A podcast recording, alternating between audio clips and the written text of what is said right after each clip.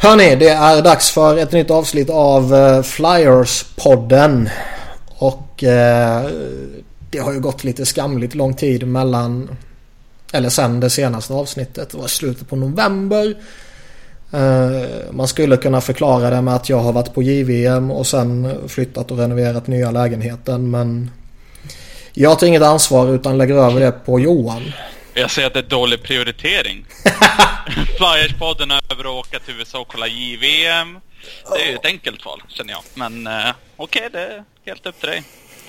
Jag fick ju träffa Ron Hextall i alla fall. Okej, okay. okej, okay, det kanske var värt att åka dit ändå då. Men han ville inte krama mig när jag erbjöd. Nej. Uh, jag är inte lika förvånad över att du faktiskt fick träffa honom. Men ni var ju bästa kompisar. Ja, ja. Det var du och Gretzky, så var det. Var du och Gretzky. Gretzky är min buddy. Jag och Ron Hextall har en uh, strikt uh, professionell relation. Ja. Uh, men det är väl inte kärleken till Hextall vi ska prata om. I alla fall i inledningen. Det kanske kommer så småningom. Eller så blir det lite hat mot honom. Man vet aldrig var den här jävla podden tar vägen. Uh, men ja, Flyers har ju faktiskt gått uh, bra här mot slutet. Och uh, trots att man... Nu minns jag inte exakt här men vi spelade väl in den här senaste avsnittet. Måste ha varit i samband med den här 10 matcher långa förlustsviten. Uh, ja, det kan nog stämma. Den var i november har jag för mig. Mm, det stämmer nog. Ja, precis slutet där spelade vi in. Jag vet inte om de hade förlorat 10 då eller om de var på väg. Nej, de var typ kanske förlorat 7 eller? Ja. ja, något sånt. Sjunde, åttonde matchen där. Och jag läste någonstans att eh, sen man vann den där matchen äntligen och fram till nu så har Flyers bäst record i ligan. Ja, jag kommer inte ihåg exakt vad det var men jag har sett något sånt där också. Vilket ju är fett crazy. Det är lite crazy. Nu har man ju till och med klättrat upp till uh, topp tre i Metropolitan. Och uh, när vi spelar in det här på tisdagskvällen så toppar ju Capitals med 70 poäng och 55 spelade matcher. Hemska Pittsburgh uh, har 66 poäng på 57 matcher. Och tätt bakom kommer Flyers på 65 poäng med 56 matcher. Och sen är det ytterligare några skitgäng där under. Så det du menar är att Flyers går om Pittsburgh i natt? Nej, i natt har man New Jersey. Då är det ju garanterad torsk Men så småningom. Mm. Nej, men det känns... Eh, det här såg man ju inte riktigt komma under den där förlustsviten. Nej, det var ju lite det här um, just när de förlorade tio matcher i rad och så hade de ett litet uppehåll om jag minns rätt. Och då tänkte man nu kommer de att göra, nu kommer Hextall göra någon trade eller han kommer att sparka Hextall. Eller Hackstall menar jag såklart. Um, men han gick ut i medien och sa att uh, nej, det kommer jag inte göra utan uh, Hackstall är my guy, mm. så att säga. Uh, och så börjar man vinna och så jag vet inte, de, de säger ju ja men vi spelar bra men vi får inga poäng. Visst, det kanske stämde i vissa matcher men andra matcher av de tio, det såg inte bra ut alls. Det var, nej, det var katastrof. Men de har ju lyckats att vända på det. Mm, absolut. Och eh, jag menar man, tog, man gick ju på en mäktig segersvit direkt efter den här mm. förlustsviten när man plockade sju raka segrar eller något sånt där. Ja. Eh, och sen dess har man väl, ja det är två stycken perioder där man har gått resultatmässigt dåligt. Eh, mm. Där man torskade tre raka matcher och sen torskade fyra raka matcher. Ja. Och nu kommer man från fyra raka segrar här. Men det är lite som vi... När vi tuggade lite innan vi började spela in här att det är ju som vanligt, det går lite upp och ner. Storförluster varvas med storsegrar och... Mm. ja. Ja, det är ju det största problemet är ju försvarsspelet. Det är, det är så mycket... De har så mycket turnovers och dåliga breakouts och liksom fastnar i egna zonen. Uh, speciellt när Brandon Manning är på isen, eller Andrew McDonald. Fast menar, McDonald menar du det? Spelat, Andrew McDonald har ju spelat bättre än vad Brandon Manning har gjort och det är inte ens Nej, men vad fan, det skulle jag göra som gammal extremt medioker innebandyback. Nej, det, han är så dålig. Så jag blir så arg och ledsen och förbannad och deprimerad bara jag tänker på det. Men ja, det är ju offensiven med de the big three så att säga med Couturier, Giroud och Voracek som, som bär dem. Mm. Men jag tror också att en stor del av varför det har vänt är att Nolan Patrick ser ut som en helt annan spelare nu. Han ser frisk ut. Man ja. Liksom hans, uh... hans uh, steg när han liksom verkligen tar i och forecheckar eller uh, sådär. det liksom hjälper allting. Han såg lite långsam ut och hängde inte riktigt med. Men det gör han inte längre. Nej, och så här i efterhand så är det väl inte så jättekonstigt egentligen. Även om man är en rabiat supporter som kräver perfektion från första bytet liksom. Mm. Så eh, kommer in som ung grabb, kliver direkt in i NHL efter att ha kommit med de eh, höftproblem och herniaproblem och allt vad det var som mm. man eh, kom med operation och grejer. Och just en sån operation borde man ju veta eftersom det alltid gör det. tar lite tid att komma tillbaka från. Ja. Kolla Giroud förra ja. säsongen till exempel. Precis. Eh, och de här senaste veckorna har ju sett fantastiskt roliga ut. I synnerhet när han fick lite ordentliga kedjekamrater också. Ja, jag tror, eh, jag tror Charlie från eh, The Athletic sa att han hade bäst corsi av alla i Flyers mm. i januari. Tror jag det var. Jo, det klingar bekant. Så han ser riktigt bra ut nu. Det är flera matcher jag tyckt att han har varit deras bästa forward. Oh ja. Um, nej, så det är jävligt kul. Man har ju suttit och väntat hela säsongen på att det ska börja klicka eller att han ska bli frisk. Eller mm. ja, all, alla de här sakerna som vi precis pratade om. Ja, framförallt att, få... Eh, alltså han har ju fått chansen med riktiga kedjekamrater tidigare. Men då har det ju varit typ en period eller en match eller en och en halv match. Och sen har ja. dörnicken i båset tröttnat och eh, gett honom Lehtera och Weezy typ. Ja. Men nu har det ju faktiskt varit en längre period och då ser man ju vilken effekt det blir. Och det är ju samma som med Connectney. Mm. Chockerande nog så ser han mycket bättre ut när han får spela med skickliga spelare. Ja. Istället för Bellemare och Van der Velde. han är också, det ska man också säga, han har ju tagit ett väldigt stort kliv. Eh, sen han har fått spela med Couturier och Giroud. Oh ja. Riktigt bra har han varit.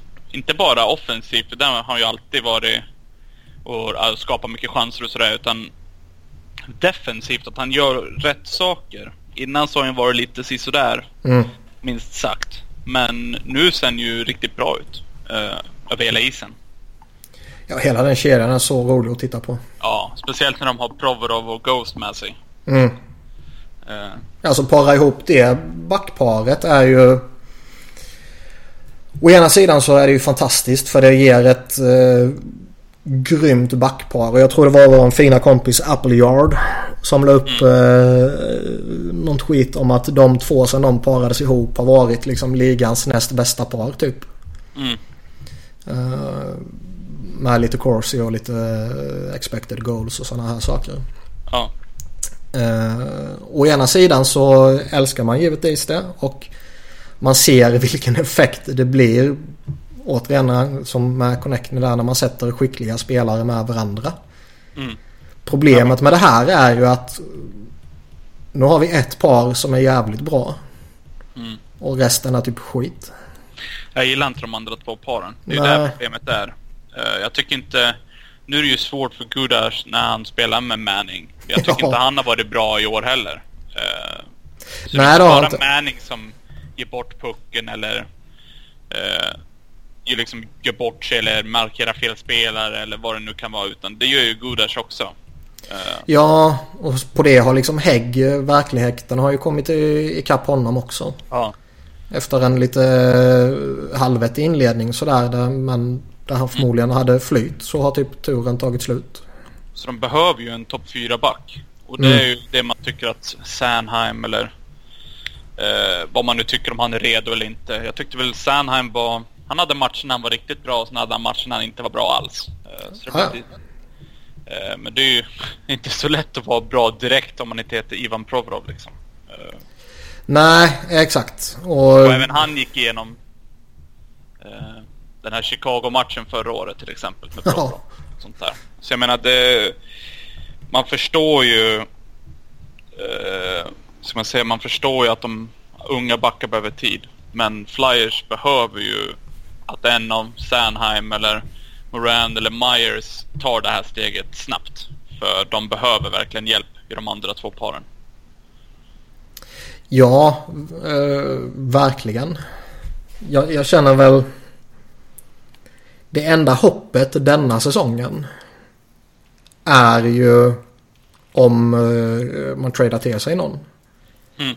Och det säger jag inte för att jag inte tror på Sandheim. Jag slänger in han och ger han en riktig roll. Låt honom göra vad han är bra på. Så tror jag att han skulle se bra ut.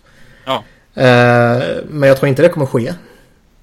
Nej, jag tyckte det var skitkonstigt. Det var ett tag där när han fortfarande, innan han skickades ner, när han satt på läktaren eller när han väl spelade. Han fick aldrig spela powerplay, även om det var Nej men Brandon. Manning får... Men Brandon Manning sätter de in. Jag förstår inte. Då använder du ju inte Sanheim till det han är bra för. Det är ju att transportera puck och offensivt i PP och sådär. Ehm, jag tycker det är jättekonstigt. Och det är, det är lite det jag har gnällt på typ allra mest över Hackstall egentligen. Att han, han sätter liksom inte sina spelare i en position för att maximera deras potential. Mm.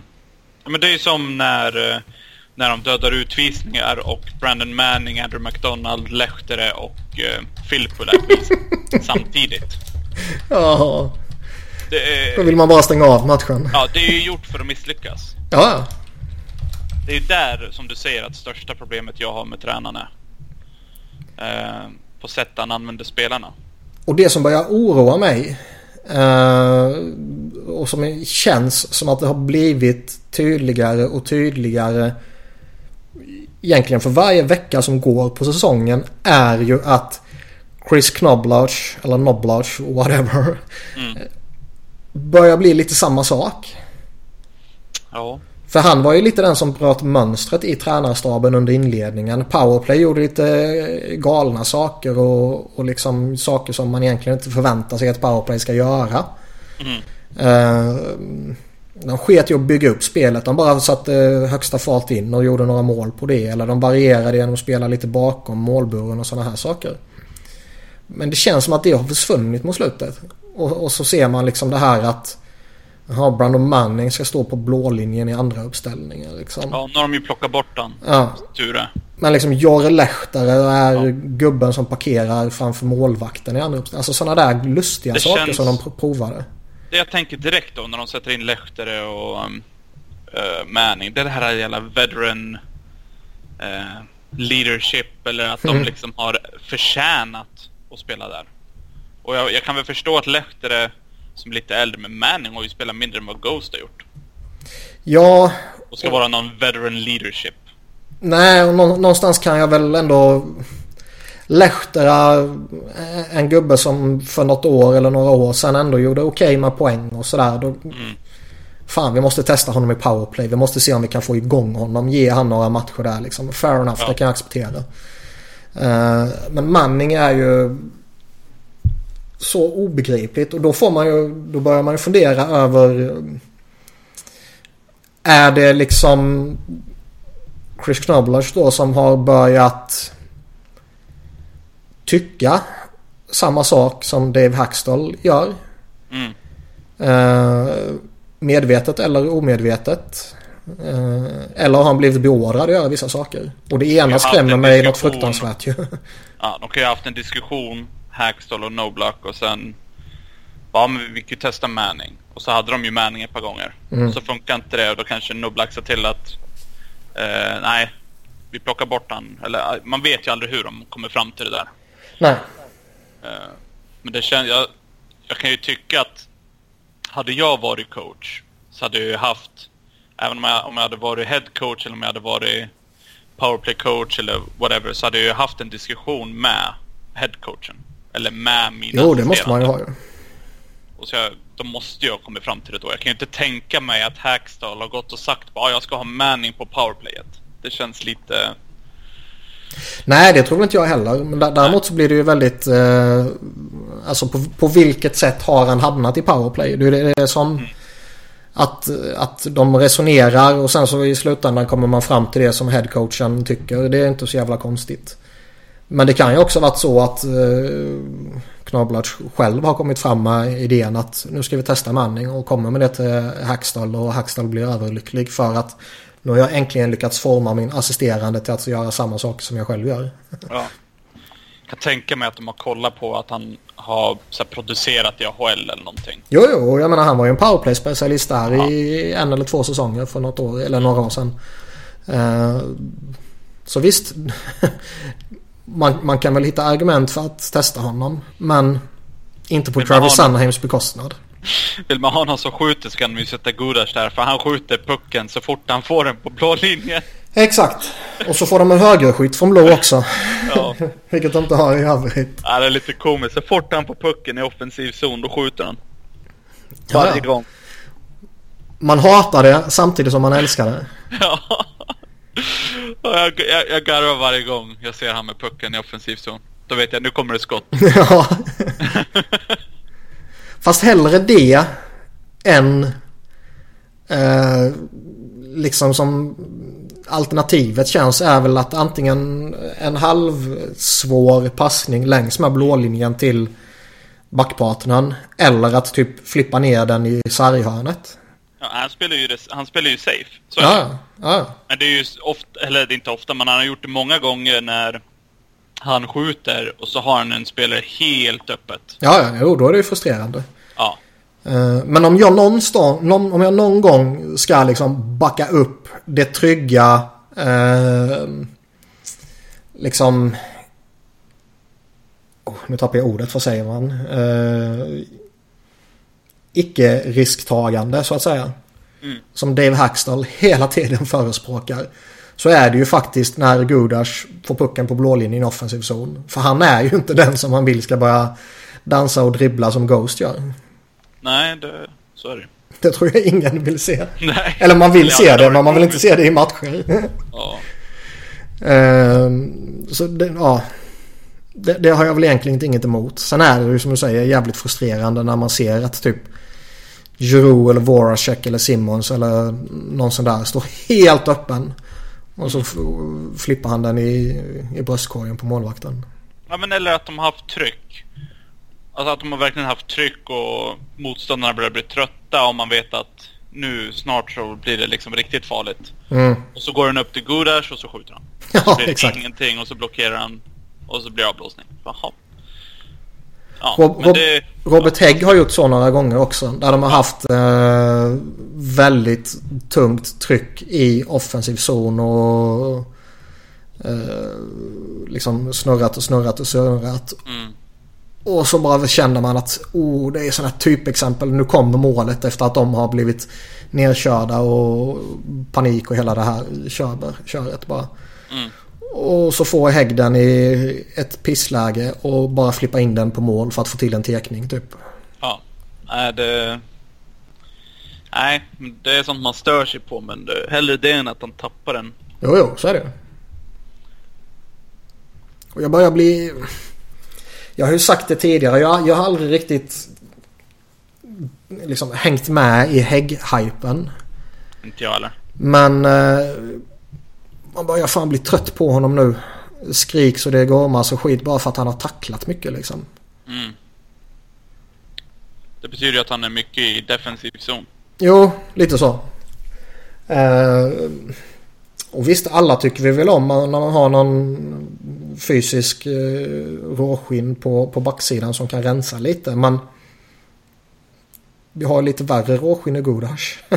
Och bättre ja, framförallt. Fast han, nej, han är yngre och längre. Han tacklas ju inte. Nej, men uh, om han vill och behöver så kan han ju plocka vem som helst.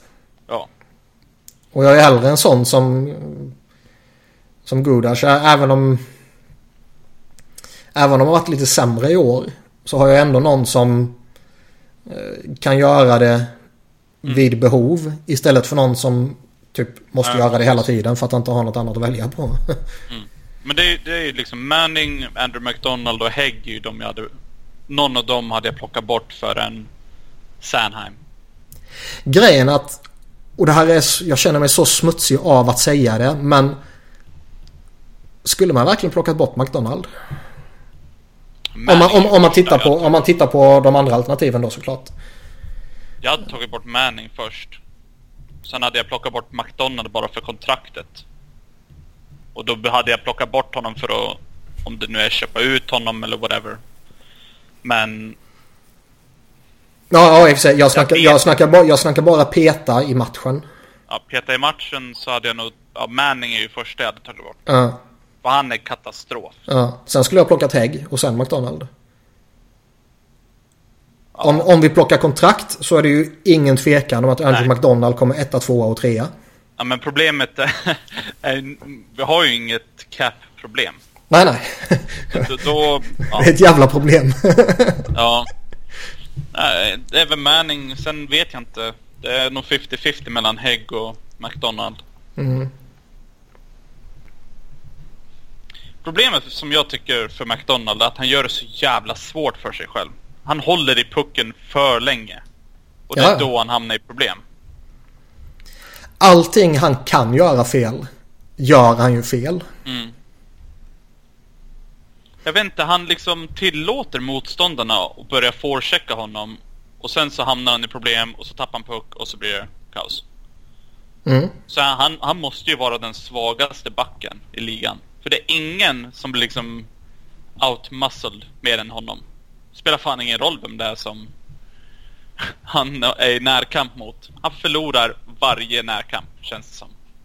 Oh ja. Men, uh, ja. Jag vet Jag är ingen jättefan av Hägg. Men det är nog 50-50. Men Manning ska bort. Alla dagar. Ja, ja, ja. Utan att tveka. Mm. Och, och jag kan i min vildaste fantasi inte se vad det är som gör att han liksom får fortsätta hela, hela, hela, hela tiden. Mm. Om, det, om det är som de säger att den är leader in the room och grejer. Ja, då har ju Gör han till materialare då? Du har Godash på backsidan som är ungefär samma sak. Mm. Ska du ha Råskinn då har du Godash och så har du till och med Hägg som tacklas. Ja. Jag, jag förstår inte vad det är han bidrar med. Nej, jag säger som jag brukar säga. Om han är så jävla viktig för omklädningsrummet. Gör han till materialare, gör han till assisterande coach, gör han till vad fan som helst liksom. Ja. Men är du bra i omklädningsrummet och det kanske han är. McDonald kanske är superviktig och superduktig i omklädningsrummet och Manning kanske är ännu bättre liksom. Uh, Dale Weezer kanske är den absolut viktigaste spelaren i hela laget om man pratar omklädningsrum. Det, det har man ju ingen aning om ju.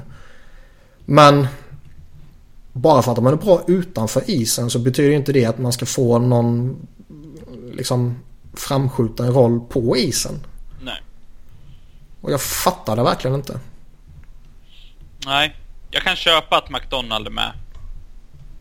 Uh, för där har du ju veteranbacken. Jo, som, som och... kan göra allting fast han är inte bra. Så han kan göra allting men ingenting.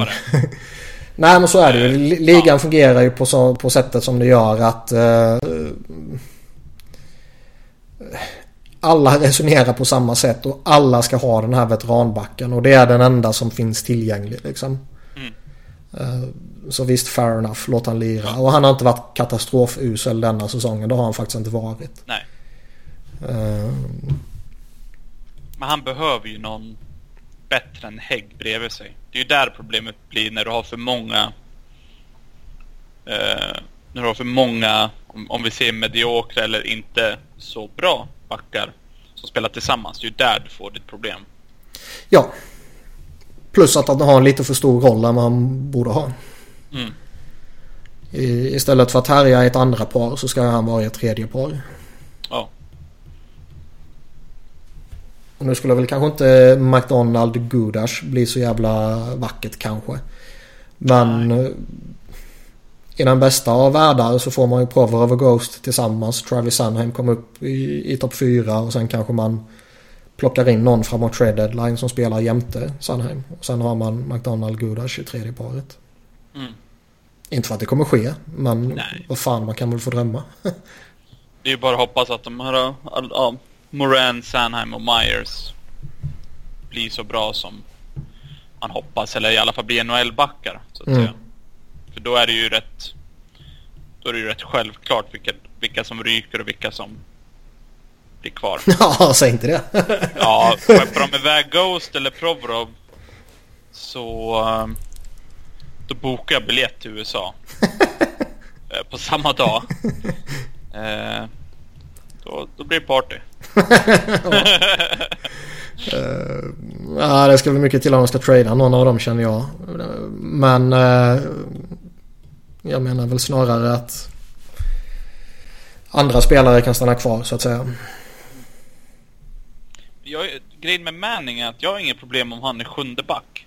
Nej, han är väl den perfekta sjunde backen. Och får en skada så kan du liksom använda honom ja, mellan 12 till 15 minuter max.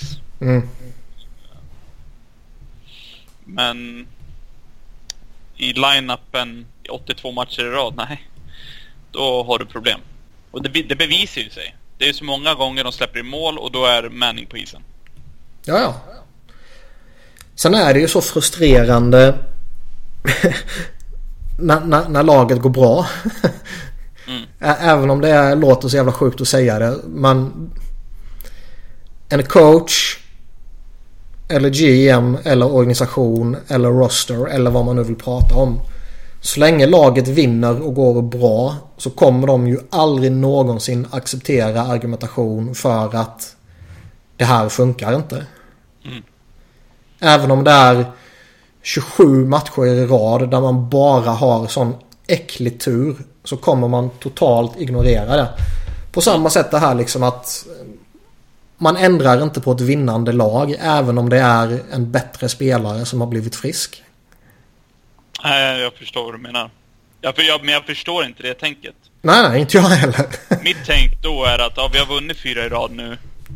Men då blir vi bättre och vinner den femte genom att sätta in en bra spelare. Vi blir bättre om vi sätter in en annan back istället för Manning. ja, exakt. Back. Om vi sätter in en bättre forward istället för Lehtere eller Weiss eller whatever. Så är mitt tänk, men inte i hockeyvärlden. Nej, och sen är det som man brukar säga också. Okej, okay, man är frustrerad på Dave Hackstall. Att han gör de här sakerna. Men sen tittar man på Mike Babcock som är väl den bästa liksom. Han gör exakt samma idiotiska dumma saker. Ja. Och kan man verkligen förvänta sig och hoppas om några underverk från uh, Dave Hackstall då? Det går ju inte. Nej. För på samma sätt som...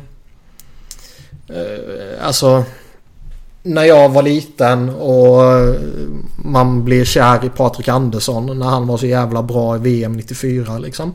Mm. Eh, och ser upp till honom och får idoler och sådana som beundrar och föredömen och sådana här saker. På samma sätt har ju coacher det ju. Och ja. Många coacher förutsätter jag ser ju upp till och beundrar Mike Babcock. Vilket inte är så jävla konstigt med tanke på att han är duktig. Mm. Sen verkar han ju vara en idiot men det är ju en annan femma.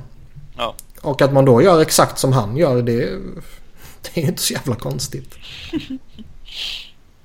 Däremot kan jag liksom inte i min vildaste fantasi förstå hur Jori Lehtara är uppe i 12-15 raka matcher eller vad det nu är. Nej, jag fattar inte det där. Han har gjort poäng i en av dem. Ja. Jag vet inte, det är väl för, för penalty killing antar jag. Ja, men han är inte bra där. Nej, det... Han är det inte bra, han är inte bra någon... Nej, det är tur det. men han är ju inte bra någonstans. Nej. Alltså, säg att... Taylor Lear, att, att han liksom inte... Han, säg, säg, att han skulle vara väldigt medioker i 5 mot 5. Men han är helvetes bra i PK. Mm. Ja, men det är klart han ska vara med i laget då liksom en klassisk rollspelare. Låt han få en begränsad roll i 5 mot 5. Men rid honom hårt i PK om han är så jävla bra där. Det Till exempel. Jag tycker lite, lite komiskt att Taylor Lear går från petad till att få spela. Och så går han rakt in i andra PP-uppställningen. Ja, ja. Och sen går han till att bli petad igen. Det är ju nästan så eh, att man kan misstänka att de inte riktigt är så bra på det de gör. Coacherna då menar jag. nej, jag förstår inte riktigt det. Istället för Raffel eller... Att Scott Lawton inte har fått spela powerplay tycker jag är rätt sjukt. Med tanke på att han har ett bra skott. Eh, Mm. Men jag förstår ju det här tänket med att eh, han ska vara fjärde center och så vidare och så vidare. Att de har eh, gjort om honom så att säga när de spelar med Phantoms till att bli mer defensiv center. Ja, och någonstans vill man väl inte heller att eh, allt för många spelare ska figurera överallt så att säga. Nej. Så jag, jag förstår det men att, att de går till Lehtere då. Istället för Raffel. Raffel är ju det perfekta alternativet att sätta in i andra PP. Ja, Uh, nej, jag tycker det... Man hittar ju alltid fel någonstans men det frustrerande att se när man ser lösningen framför sig. ja och det är så uppenbart logiskt. Det är liksom ingen out of the world, totalt Nej. galen paniklösning du resonerar fram eller hittar på liksom. Utan det är... Nej. Ja, det är klart man ska göra så liksom. Och det är det som är så fruktansvärt frustrerande. Och det är det som gör att man avskyr honom liksom. Mm. Precis.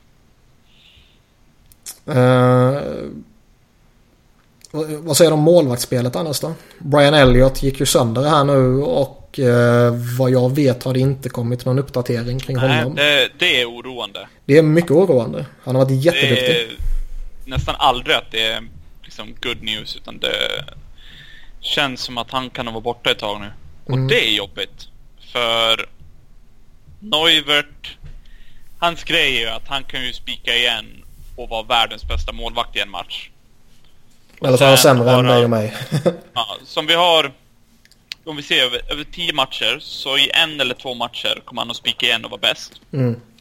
Eh, två, tre matcher så kommer han att vara... Han kommer att vara okej. men han kommer släppa in ett mål. Som är... Ett dåligt mål kommer han att släppa in. Det är Mm. lite hans grej. Att han släpper alltid in ett dåligt mål. Och sen kommer han resterande matcher så kommer han vara en okej backup. Det är lite så jag ser eh, Michel Neuvert vara. Ja, jag tror de flesta delar den bilden med dig. Ja, så om nu om Elliot är borta länge så jag hade nog tradat åt min målvakt. Vem vet jag inte men Alex Lyon visst han har inte spelat i NHL förut men han såg ju inte bra alls. Nej. eh, och med tanke på hur han såg ut där så har jag ju svårt att se att han eh, eh, liksom ska få den där chansen. Mm. Det känns inte som att Dave Hackstall kommer ge honom den chansen. Nej, med tanke på hur han har gjort förut när Mason blev skadad eller när Neuvert blev skadad. Eh, och det var Stolar som Ja, satt. exakt. Eh, så tror jag, nej.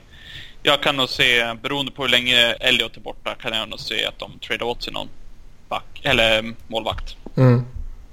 Vem vet jag inte, men Det, går ju några sådana här efterhängsna rykten om att Flyers och Buffalo har eh, scoutat varandra lite mer än vanligt så att säga. ja. Och att det kan vara någonting på gång där. Och det kommer ju från eh, all, allt från eh, den gamla fina Eklund till typ Pierre LeBrun liksom. Mm. Så eh, någon substans borde det ju finnas om det är han som säger det. ja. Jag såg om Lener och så såg jag om Chad Johnson. Och så såg jag om Evander Kane. Mm. Och till och med O'Reilly tror jag. Men den är ju Mm. jättekonstig. Den kan ju inte stämma. Med hans lön och kontrakt. Nej, den kan jag inte se. Det vore ju Nej. väldigt intressant eh, beroende på pris och allt sånt där såklart. För han tänker centeruppsättningen med Couturier, O'Reilly och Patrick. Ja, och du då har Giroud till vänster. Det, det, det skulle ju vara lite eh, OK. Men det känns som att prislappen kommer bli uh, obehagligt hög. Mm. Evander Kane borde man kunna få för en first rounder. Ge dem Blues first rounder till exempel. Och eh, Travis Sunheim och kanske någon annan hygglig sådär. Mm. Eh, Kane är jag lite konfunderad över. Å ena sidan så skräms man ju lite av bagaget han kommer med. Ja. Att eh, lite sådana här off-ice issues och eh, skadehistorik eh, kanske framför allt. Eh, å andra sidan så... När det väl funkar så är han en jävligt effektiv powerforward. Ja, det var det jag skulle säga. Hockeyspelaren Evander Kane hade jag jättegärna haft i mitt lag. Mm. Men det är allting runt omkring, hela paketet som att man blir... Eh, kanske inte. Det, det som gör att... Att jag lockas lite av honom ändå. Är ju... Alltså den stor, det stora problemet och den stora utmaningen som Flyers står inför. Om man bortser från Dave Hackstalls inkompetens. Mm. Så är ju det Wayne Simmons eh, framtid. Ja. Och jag, jag, jag liksom... Kedjorna de har satt ihop nu med Giroux, Coots, Connectney och sen Voracek, Patrick, Simmons. Är ju... De gillar jag liksom. Mm. Men jag är inte helt förtjust i att ha antingen Voracek eller Simmons som left-winger. Simmons tycker jag... Han funkar inte riktigt där. Och Voracek tycker jag ser bättre ut till höger. Det är hans naturliga position helt enkelt liksom. Ja, ja Voracek flyttar man ju inte på. Men, nej. Men... Eh, där skulle ju då Kane kunna vara en mer naturlig fit som left-winger då ju. Ja. Och bli ju Simmons liksom långsiktiga ersättare på något sätt i så fall. Mm. För Simon säger, ja vi, vi har ju... Jag minns inte om vi har pratat så jättemycket om det i Flyers-podden men det borde vi ha gjort. Men vi har pratat rätt mycket om det i NHL-podden i alla fall. Ja. Eh, att eh, vad ska man göra nu? Powerforward som närmar sig 30-årsstrecket ska ha nytt kontrakt och det kommer bli jobbigt och han kommer... Mm. Hur länge kommer han hålla och hela det här köret? Jag är och, helt hundra eh, på vad jag hade gjort jag har varit lite förut, men ah, jag vet inte för att eh, man älskar ju Wayne Simmons. Oh ja. Det gör ju ont att ens tänka på att trade honom. Oh ja. Men med tanke på hur mycket man hade fått för honom så hade jag tradat honom nu. Ja, jag är inne på det också. Sen är det väl... Um, frågan är bara när. Ska man göra det nu? Eller ska man göra det om ett år? Och var får man, när får man mest betalt för honom? Jag jag, jag har... Det känns som man kan vänta. Ja, och jag känner lite att vill man göra det nu när man faktiskt går bra? Ja, jag hade nog tradat till sommaren. Jag ska göra till, till sommaren också. Eller eh, nästa deadline. Ja. Det går ju att vänta till nästa deadline också. Men jag känner att på sommaren det är enklare att göra traden då? Ja, jag tror det, det kommer vara fler som vill ha honom och jag tror man kan få högre då. Mm. Än när laget redan har fyllt på med om det är free agents eller whatever. Mm. Mitt i säsongen. Jag tror det blir svårare då. Uh, Men då blir... en plats för honom. Ja, jag, ja, ja, absolut. Men då blir helt plötsligt Evander Kane lite mer intressant. mm. För det känns ju så även om de, även om båda två är powerforwards så de är ju lite annorlunda powerforwards. Jag ser ju inte Kane som den där monsterspelaren framför kassen felvänd som Simmons är. Nej. Eh, utan han är väl en annan sorts powerforward. Sen kanske han skulle göra det alldeles lysande med några av ligans absolut bästa powerplay-spelare så att säga. Mm. Men eh, en powerforward, gå in som left-winger. Voracek stannar kvar som right-winger. Konechny behåller sin plats som right-winger och Joe fortsätter lira left-winger. Ja, ja, då har man... Kane har ju ett bättre skott än vad Simmons har. Ja. Exempel. Och en mm. bättre skridskoåkare. Ja, och han är framförallt yngre. Ja, så det blir ju en helt annan eh, dynamik så att säga än om Simmons. Simmons har ju, det måste man ju igenom, han har ju eh, blivit mycket, mycket bättre skridskoåkare sen han kom till Flyers än mm. när han... Eller nu jämfört med när han kom till Flyers, ska jag säga. Och jag, ty jag tycker han... Sätt, eller? Nej. Men frågan är hur kommer han vara om två år? Mm. Nej, det är ju lite det. Jag hade ju... Det är just därför jag hade tradat honom. Mm. Med åldern och nästa kontrakt och sånt där. Men bara för att man tradar honom så betyder inte det att vi, ja, men vi ska in en Vander Kane istället. Nej, nej, nej, nej. Det är inte så att jag menar att det ena måste ske för att det andra ska bli av. Nej, precis. Uh, däremot vad, ska man säga? om man ska hitta argument för att gå efter Evander Kane. Så skulle nog det vara ett av mina tyngsta. Ja, det kan jag köpa. Uh, sen kan man ju faktiskt, man kan ju gå efter honom och gå in med uh, inställningen så att säga att vi kommer testa honom som en rental. Mm. Funkar det inte och han är ett svin och han funkar inte alls med gruppdynamiken och man hittar ingen fit i kedjor och grejer. Ja, då får man väl släppa honom liksom. Mm. Och så gjorde man en chansning på en rental som hur många lag som helst gör varje år typ. Ja. Uh, och Flyers jag pratade lite om Tampa i NHL-podden förra eller för, förra avsnittet. Där, där vi pratade lite Tampa och det här att de är i ett läge nu där de är en bonafide contender. De ser superbra ut. De har hur många prospects som helst och de har alla sina picks. De kan liksom offra framtid för att boosta upp laget. De kan ta in en Ryan McDonough. De kan trada till sig en Erik Karlsson. Uh, om det nu är en back de vill ha, vilket det ryktas om. Ja. Utan att det egentligen sänker laget liksom. Det påverkar inte framtiden så jättemycket. De har sin core satt. Coren är rätt ung. Uh, kommer i alla fall hålla flera år framåt och som sagt hur många prospects och picks som helst. Det har ju Flyers också. Men de är inte riktigt lika långt fram i sin uh, alltså contender-utveckling. Om man ska säga så. Som Tampa är såklart. Mm. Men man skulle ju kunna ta en chansning på att offra pix och... Ja, alltså Flyers prospects. har ju... De är ju inte kanske så extremt som Tampa just med att de är uh, contenders eller sådär. Men de har ju kapital med pix och sånt där. Om de vill göra en, en, en, uh, liksom en hockey trade så att säga. Mm. Även om det är med rental eller om det är att trada åt sig en spelare som har lite term på sitt kontrakt. Sen är, sen är det, det, detta året tycker jag att tar man sig till slutspel så är det fan inte många lag som skrämmer mig. Det är Tampa som jag tycker ser riktigt obehagliga ut. Och Boston nu när de har kommit in. De kan bli luriga alltså. Ja, jag tycker Boston har varit jävligt bra. Mm. Bättre än vad jag trodde de skulle vara. Helt klart. Nu när de har blivit friska. De har lite unga spelare och så här. Men utöver dem så är det ju inget lag som jag skulle vara skraj över gå upp mot Nej. över sju matcher. Det är ju jätteskillnad nu. Bara på ett år över hur... Innan vissa matcher, eh, andra år, om det var förra året eller lite längre tillbaka, så vet man att ja, nu, nu möter de...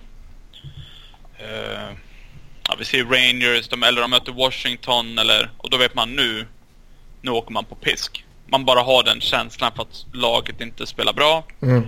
Men nu inför varje match, spelar ingen roll vilka de möter, så har i alla fall jag den här känslan att Flyers kan vinna den här. De är inte favoriter och kanske spöa Tampa eller eh, de bättre lagen i ligan. Men man har i alla fall den känslan att om de bästa spelarna spelar som de kan och liksom målvaktsspelet, då kan de faktiskt vinna. Så det, har det varit ett tag sedan jag kände. Om det är Brian Elliott som är målvaktsspelet. Ja. Så det är ju en väldigt stor skillnad tycker jag i alla fall. Just på det sättet. Ja, ja verkligen. Sen över, liksom, över sju matcher så är det är ju klart att hade man mött Tampa så ska det nog mycket till om Flyers ska sluta om över sju matcher. Så det tror man väl Ja, inte. men det är bara dem och Boston. Ja. Och... Eh, jag menar det är väl beroende på hur tabell och allt det där slutar så kanske det först blir i en konferensfinal som man går upp mot dem. Mm. Och Flyers säger att det skulle bli att Flyers tar sig till slutspel och man går relativt långt i slutspelet och åker i en konferensfinal. Det är ju en framgång liksom. Det är ju ett jättebra steg på vägen för den här unga kåren. Eller, eller den framtida kåren på uppgång om man säger så. Det är väl fortfarande veteranerna som är i coren såklart. Men... Jag vill bara att de går till slutspel. Sen hur du går där, det... Det är ett senare problem. Stanley Cup, liksom. Nej, nej. Det hade varit jättebra om de hade vunnit en runda i alla fall. Ja, men jag, jag känner framförallt att okej, okay, det, det, är liksom fem lag som känns helt överlägsna. Mm. Då är det liksom inte värt att offra tillgångar för att boosta upp sig själv lite, lite mer. Nej. För man kommer ändå inte ha någon chans. Men nu när det ser ut som det gör. Fan vet om man inte kanske eh, ska göra det ändå. Det är inte så att man skeppar iväg ett första rundsval för en Martin Hansal eller nej, nej, nej. vad liksom andra lag gör. Ehm, jag hade nog, om, om Flyers ligger som de gör nu och till trade deadline så hade jag nog jag hade nog tänkt mig om, om jag hade varit Hextall så hade jag nog siktat in mig på någon. Typ en Evander Kane. Som man vet att det kanske inte är något lång, långsiktigt val. Men man vet att han kan göra mål eller lite sån där... Eh, vad ska jag säga?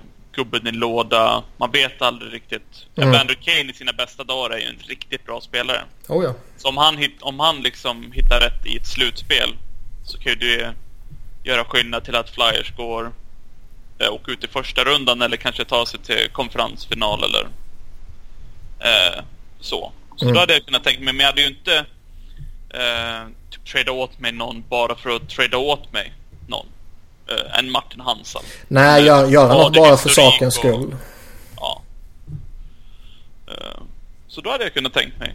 Då hade jag varit okej okay med att Hexar skeppar iväg kanske ja, det kanske krävs det här första valet man fick från St. Louis. Jo, men det får man väl offra och sen... Uh, ja, någon sån här hygglig prospect. Mm. Jag vill ju inte... Morgan Frost vill jag inte offra. Nej. Han ser ut att vara riktigt fräsch alltså. Mm. Men German Rubtsov typ liksom. Ja. Men det, allting kommer ju tillbaka till vem det är man tradar för och vad man gör upp. Man kan ju sitta och spekulera men det, det är svårt att säga att man är okej okay med det när man inte vet vad... Vad man får. Vad jag gör gärna upp Morgan Frost för Conor McDavid. ja, ja men... Typ. McDavid är rental. ja. Uh, men vi, vi, kan hoppa tillbaka till Buffalo som vi seglar in på det lite där när vi börjar prata eventuell målvaktstrade. Det är ju faktiskt två, två rykten där som har cirkulerat en relativt lång tid ändå. Mm. Att eh, tidigare har det väl snacket då varit att man är kanske intresserad av att uppgradera sig från Mikael Neuwirth. Mm. Eh, att man är lite trött på hans skadeproblem och eh, varierande prestationer. Men nu med tanke på vad som händer med Elliot här så kan det ju faktiskt bli så att man behöver en ersättare till Elliot istället. Och i Sabres har vi Robin Lehner och Chad Johnson. Är det något som skulle intressera Johan? Eh, jag gillar inte Chad Johnson. Jag har jättesvårt för honom och har haft i flera år. Eh, men jag tycker Lehner är... Jag tycker han är bra. Visst, han kanske varit ojämn och haft skadehistorik förut, men han har varit bra i ett dåligt Buffalo ändå. I, vad blir det? Det är väl tredje året nu. Mm. Uh, så beroende på pris, ja. Lener hade jag väl kunnat tänka mig. Jag tilltalas lite av honom. Mm. Mest för att han är uh, en galen idiot som ja, också, sku, liksom, sku, skulle gå i Ron Hextall och Ray Emerys fotspår på ett så vackert sätt. Mm. Eh, det som jag inte riktigt eh, gillar är ju ett, han är svensk. Jag vill inte ha många svenskar för det fuckar upp bevakningen av flyers här hemma. Mm. Eh, två, jag gillar verkligen inte hans kontrakt. Eh, RFA-status, eh, 4 miljoner. Ska man ha qualifying offer där så blir det lite mer och så kanske man ska förhandla ett riktigt kontrakt. Eh, ska man ta in honom så skulle jag i så fall vilja se att man gör som man gjorde med Steve Mason när man plockade in honom. Att vi är redo att ge dig chansen här nu. Eh, du får signa ett billigt ettårskontrakt. Och nästa säsong får du visa vad du går för.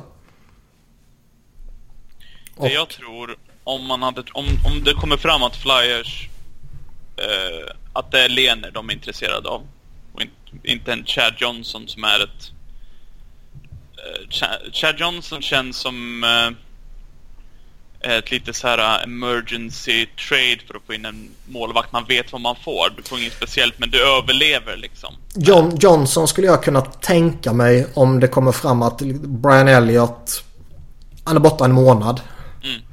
Vi behöver en, en veteran. Man förmodligen kommer få uh, Johnson till ett överkomligt pris. Plocka in Ja. honom. Oroa dig vad som händer sen när Elliot är tillbaka liksom. Precis. Men om man går efter Lener, eller att, man, att det är Lener man har scoutat eller så som det har kommit fram nu. Då går det ju direkt ifrån att ha det här uh, one-two punch tandem till att uh, signa åt sig en med detta. Just för kontraktet. Ja, Och då, för hans nästa kontrakt kommer ju inte... Visst, man kanske kan lyckas och få ett ettårskontrakt, men det kommer ju inte vara lägre än fyra miljoner. Han kommer inte gå ner i lön. Det kan jag inte se. alltså det, det är väl en förutsättning för att jag personligen skulle vilja ta in honom liksom. Mm. Eh, sen är det klart liksom blir man av med Andrew McDonald och du får in Robin Lehner. Ja vad fan ger han två år på fem miljoner? Ja, men men eh, jag, jag skulle nog ändå föredra. Här får du ett billigt och jag menar inte att han ska skriva för 700 000 men liksom nej. här får du 2,5-3 miljoner liksom. Eh, Ett liknande kontrakt som det Elliot har och här har ni ett år kvar.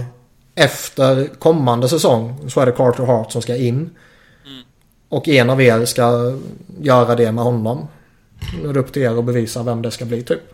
Just om det är Leno de går efter så är det ju en etta de vill ha in. Då går de ju ifrån det som de bestämde inför den här säsongen. Och ha Elliot och Neuvert. Fast nu har ju Elliot spelat massor jämfört med Neuvert. Eller så ser man det fortfarande som eh, 1A, 1B eh, upplägg. Men man uppgraderar sig från Neuwerf till Lenar helt enkelt. Ja. Skulle ju kunna vara ett scenario när Flyers skickar tillbaka lön till Buffalo. Mm. Och då är de, då är de okej med det. Eh, och ta på, eller ta på sig Leners kontrakt. Jag vet inte, det, det finns ju lite olika scenarier. Men om det är någon målvakt de går efter så hoppas jag att det Lener. Just för att jag, ja. Chad Johnson är ingen favorit. Nej, sen är ju frågan om det ligger någonting i det överhuvudtaget. Eller om det bara är lite, ja, kalla det lat journalistik för att han plockade upp honom eh, till VM-truppen senast.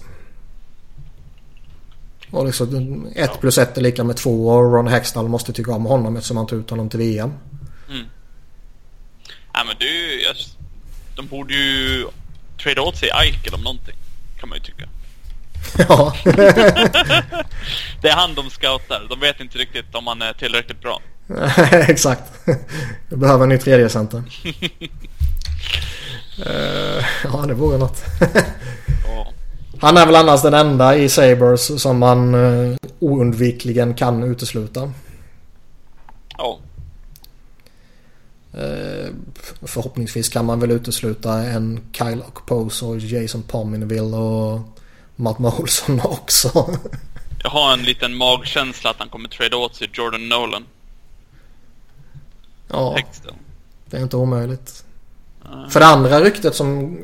Det är typ tre rykten som cirkulerar lite kring Flyers. Det ena är ju det här som vi precis har avhandlat då med Sabres. Att de har scoutat varandra och ingen riktigt vet vad det är. Eh, Förmodligen målvakt.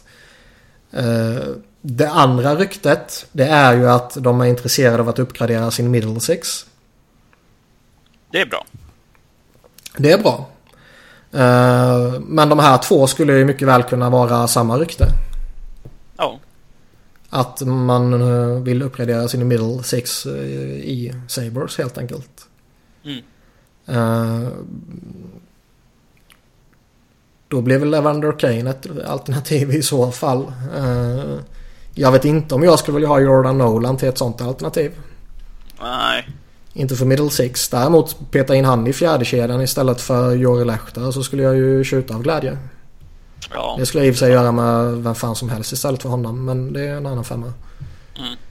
Uh, sen vet jag inte. Det var någon som slängde ur sig Sam Reinhardts namn. Mest för att ja men det är kanske intressant. Han har inte riktigt kommit loss i Sabres. Uh, de kanske tröttnat på honom.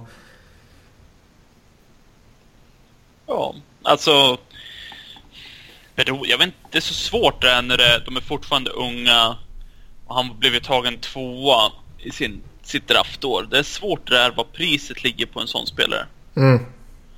Uh, för visst, han har ju inte slagit igenom, men har, har vi gjort 40 plus poäng de, de två åren han har spelat tror jag. Om jag inte har helt fel. Han kanske gjorde mindre något år. Uh, 42 och 47. Ja. Och så har han 27 hittills. Så han ligger på ungefär samma snitt. Mm. Och jag menar då, ja. Beroende på kostnad så är ju han ett jättebra alternativ. Just för att han fortfarande är ung. Men han producerar ju någorlunda bra. Inte så bra som de hade hoppat, men någorlunda bra ändå. Så in med han i en tredje kedja. Varför inte? Nej, lite så. Uh, typ peta, peta ner antingen Raffel eller Wheel i, i fjärde istället för någon av dörrnickarna där nere och, och peta in Reinhardt där då. Mm. Det vore absolut uh, spännande liksom. Ja. Men jag vet fan om det känns så vast uh, trovärdigt. Jag tror inte det kommer hända men om jag, om jag går igenom på Elite Prospect om jag kollar hela deras lag så är det ju egentligen bara Reinhardt kan jag tänka mig. Typ O'Reilly fast det kommer inte hända. Kane hade varit okej. Okay.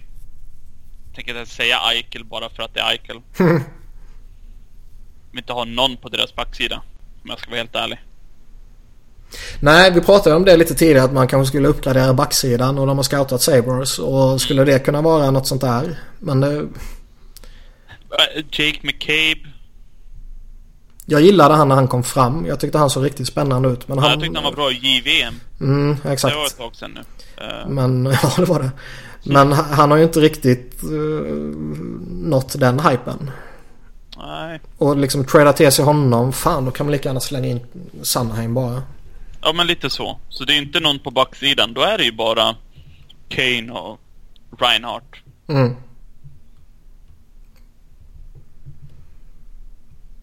Det är väl om man skulle få in en sån här Girgensons, men det är ju inte... Det känns inte så jävla spännande heller. Nej. Jag har svårt att se vad fan man ska göra det för. Nej, det jag håller med. Uh... Och då hade det varit nice med, med Reinhardt just för hans kontrakt. Mm. Ja, och där finns det en väldig potential fortfarande. Det går ju ut nu hans kontrakt. Så nästa kontrakt kommer inte vara jättedyrt heller. Nej. Så hade jag fått välja en med pistolen mot mitt huvud så hade jag ju valt Reinhardt. Mm. Jag är väl redo att backa upp det. Mm. Då lägger vi bort pistolen. ja, det, det är lika bra. Lägg, lägg den i skrivbordslådan igen. Eftersom vi gör videosamtal här så ser jag att han faktiskt plockade upp en pistol också. ja, man måste ju leva sig in i det. Exakt. Eh, det här tredje lilla ryktet som eh, har cirkulerat så smått och som jag tror var Bruce Garriott i, från Ottawa Sun som slängde ut sig vilket typ är att likställa med Eklund. Mm. Är ju att Flyers är ett av lagen som eh, är intresserade av Oliver Ekman Larsson. Ja, jag har nog missat det ryktet. Det varit, eh, kan vara tre veckor sedan kanske. Han skriver ja, någon sån här, du vet. Typ... tre veckor sedan då. Nej. men han skriver ju någon sån här typ söndagskolumn i tidningen där han slänger ur sig några rykten han har hört typ. Och 85% är ju typ påhittade saker eller saker som han tycker mm. ja ah, men det där laget behöver en sån spelare. Den där spelaren kanske är på väg bort därifrån. Då lägger vi ihop de två. Ja. Uh, Så det kanske är helt extremt jätteosannolikt. Och häromdagen sa ju Bob McKenzie till exempel att eh, att eh, Arizona inte kommer trada honom nu utan man vill förlänga med honom. Mm. Eh, och jag litar väl mer på The Bobfather än på Bruce. Lite grann kanske. Lite grann. Men bara för liksom diskussionens skull. Oliver Ekman Larsson till Flyers.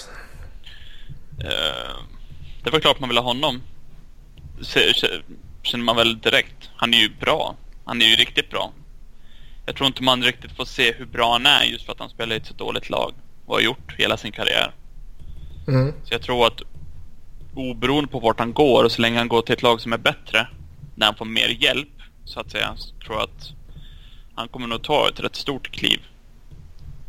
Eh, Jag har en sak. Det är liksom det, det första. Eller det andra som jag tänker på. Det första är ju att. Mm, svensk superstjärna. Som han kommer bli här Ja. hemma. Nej tack. Eh, men om man bortser från att jag är dum i huvudet och resonerar på det sättet. Mm. Eh, så det första som man då tänker på det är liksom att ja, han är bra. Men är han så jävla mycket bättre än Ghost? Om man samtidigt lägger in vad det skulle kosta att få honom. Ja, det är ju där det kommer in. Om... För Om tar man, tar man in. Oliver... Alltså tar man in Oliver Ekman Larsson och Ghost inte är en del av traden utan han är kvar i Flyers så att säga. Mm. Så känns det som att oundvikligen så kommer du ha en av dem vars potential du inte maximerar genom att inte spela dem i första uppställningen i PP. Ja. Och då känns det Men- som att man kommer slösa bort typ den största tillgången med en av dem. Och då, då kommer frågan, vem är... Vem är bättre i PP? Ja, lite så. Och även om... Alltså 5 mot 5 spelet är ju mer betydande än powerplay-spelet.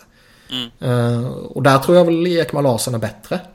Ja, jag, jag tror att det är exakt samma där. Nu har han ju minus 38 eller något sjukt. Jo, men i Eh, skitlag är det ja. ointressant. Så jag tror att eh, hade Flyers fått behålla, om man säger Ghost och Provorov och sådär, och, och de man skeppar in trade är Sanheim och typ första val och vad det nu kan kosta. Mm. Så att man har Provorov, Ekman Larsson och Ghost. Då hade man ju fortfarande haft Ghost i första PP. Så hade nog jag satt Ekman Larsson i andra PP. Och så hade jag inte haft Provorov i PP, tror jag. Eller, eller det beror ju Mm. på om du kör två backar i andra PP. Jo, ju... fast då eh. kanske den andra backen är Brandon Manning.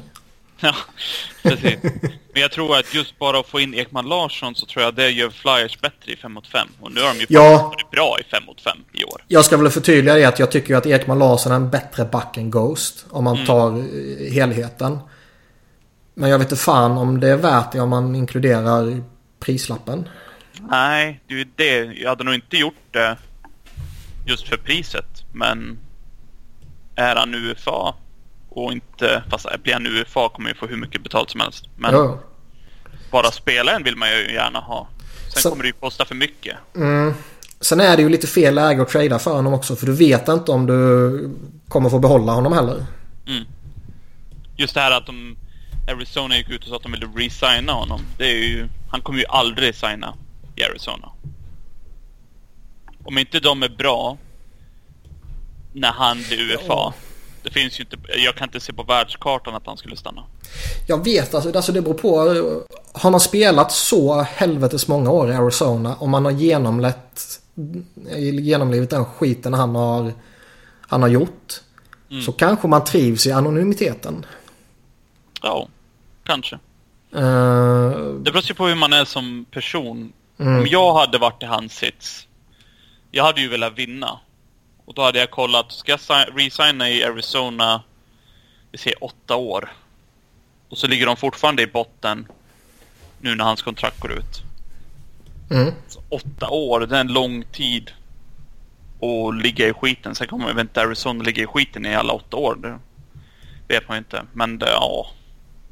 Jag hade nog kollat runt och sett om, vi säger typ Tampa kommer och erbjuder ett sexårskontrakt med kanske en och en halv miljon mindre i lön eller en miljon mindre per år. Mm. Jag hade nog tagit det då, tror jag. Ja, det skulle jag också gjort. Sen ser man ju, så resonerar man mest hela tiden tycker jag. Och sen ser man ändå bara spelarna gå över efter den största lönechecken. Men... Eh, det är svårt. Det är jättesvårt att tänka alltså, teoretiskt om man hade... Mm. Det, om man det, hade det, som, i hans sits. Det som avskräcker mig lite också är ju att man betalar ett väldigt högt pris för Ekman Larsson nu. Om vi säger att man tradar till sig honom nu vid, vid deadline här. Eh, Men man vet inte om han vill stanna i Flyers förrän till sommaren. Eller han kan ju säga att jo, jo vi, vi löser ett kontrakt i sommaren. Jag, jag vill vara kvar där och Gentleman's agreement och handshake deal och hela det där köret. Men man har inte svart på vitt förrän till sommaren. Och många han- saker kan hända under de där månaderna. Ja. Det är klart att han kanske vill... Eh, eh, att han trivs med liksom anonym... Eh, heten eller vad man ska säga i Arizona. Men han kan ju lika gärna sitta och, och kolla när, när han åker med Arizona till, till New York eller om det är till Boston eller om det är till Philadelphia eller Montreal och tänka shit här hade det varit coolt att spela. Mm. Eh, så han kan ju tänka så också. Så att om ett lag, vi säger att Montreal hade tradat till sig honom eller att Flyers hade tradat till sig honom. Då kanske han tänker, nu spelar jag i liksom en hockey market. Mm. Det här är ju hur coolt som helst eller här vill jag stanna. Eh, Så det går ju åt båda hållen där. Det, det är svårt. Jag hade inte velat betala priset för honom i alla fall. Nej, det är, det är väl just det som är det som jag som sagt eh, ryggar undan lite för. Mm. Men jag tror ju som, som jag sa att de som kommer betala om de tradar honom att de kommer få en back som kommer att lyfta och vara bättre än vad han har varit i Arizona. Mm. Eh, några andra rykten har det ju faktiskt inte sipprat ut kring eh, Flyers. Inte vad jag har sett i alla fall. Nej. Om vi exkluderar Eklund-ryktena, vilket vi väl kan göra.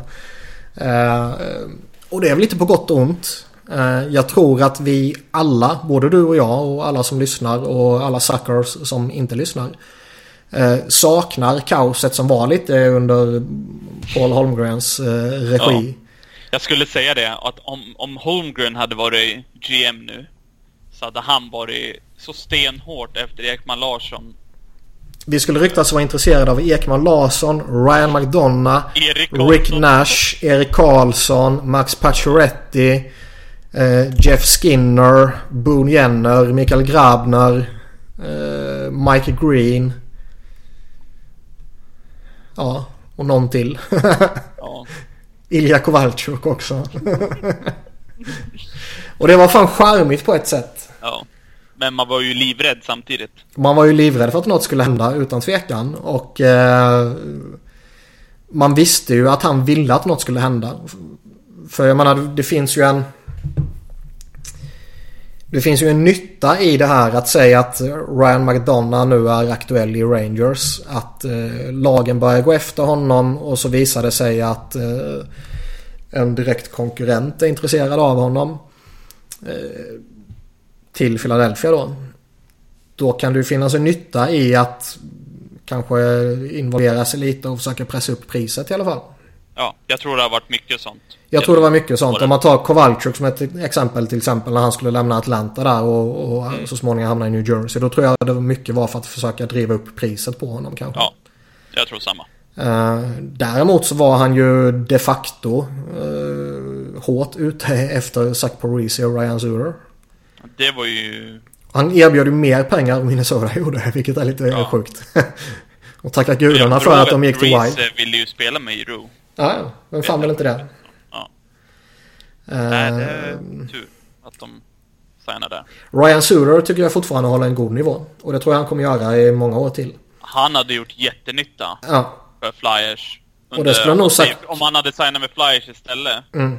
så hade ju han hjälpt försvaret som var så bedrövligt under de här åren.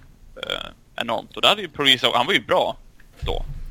Nu Så- har han ju haft skadeproblem. Ja, sen ska man väl säga det att eh, jag kan väl ge Paul Holmgren viss eh,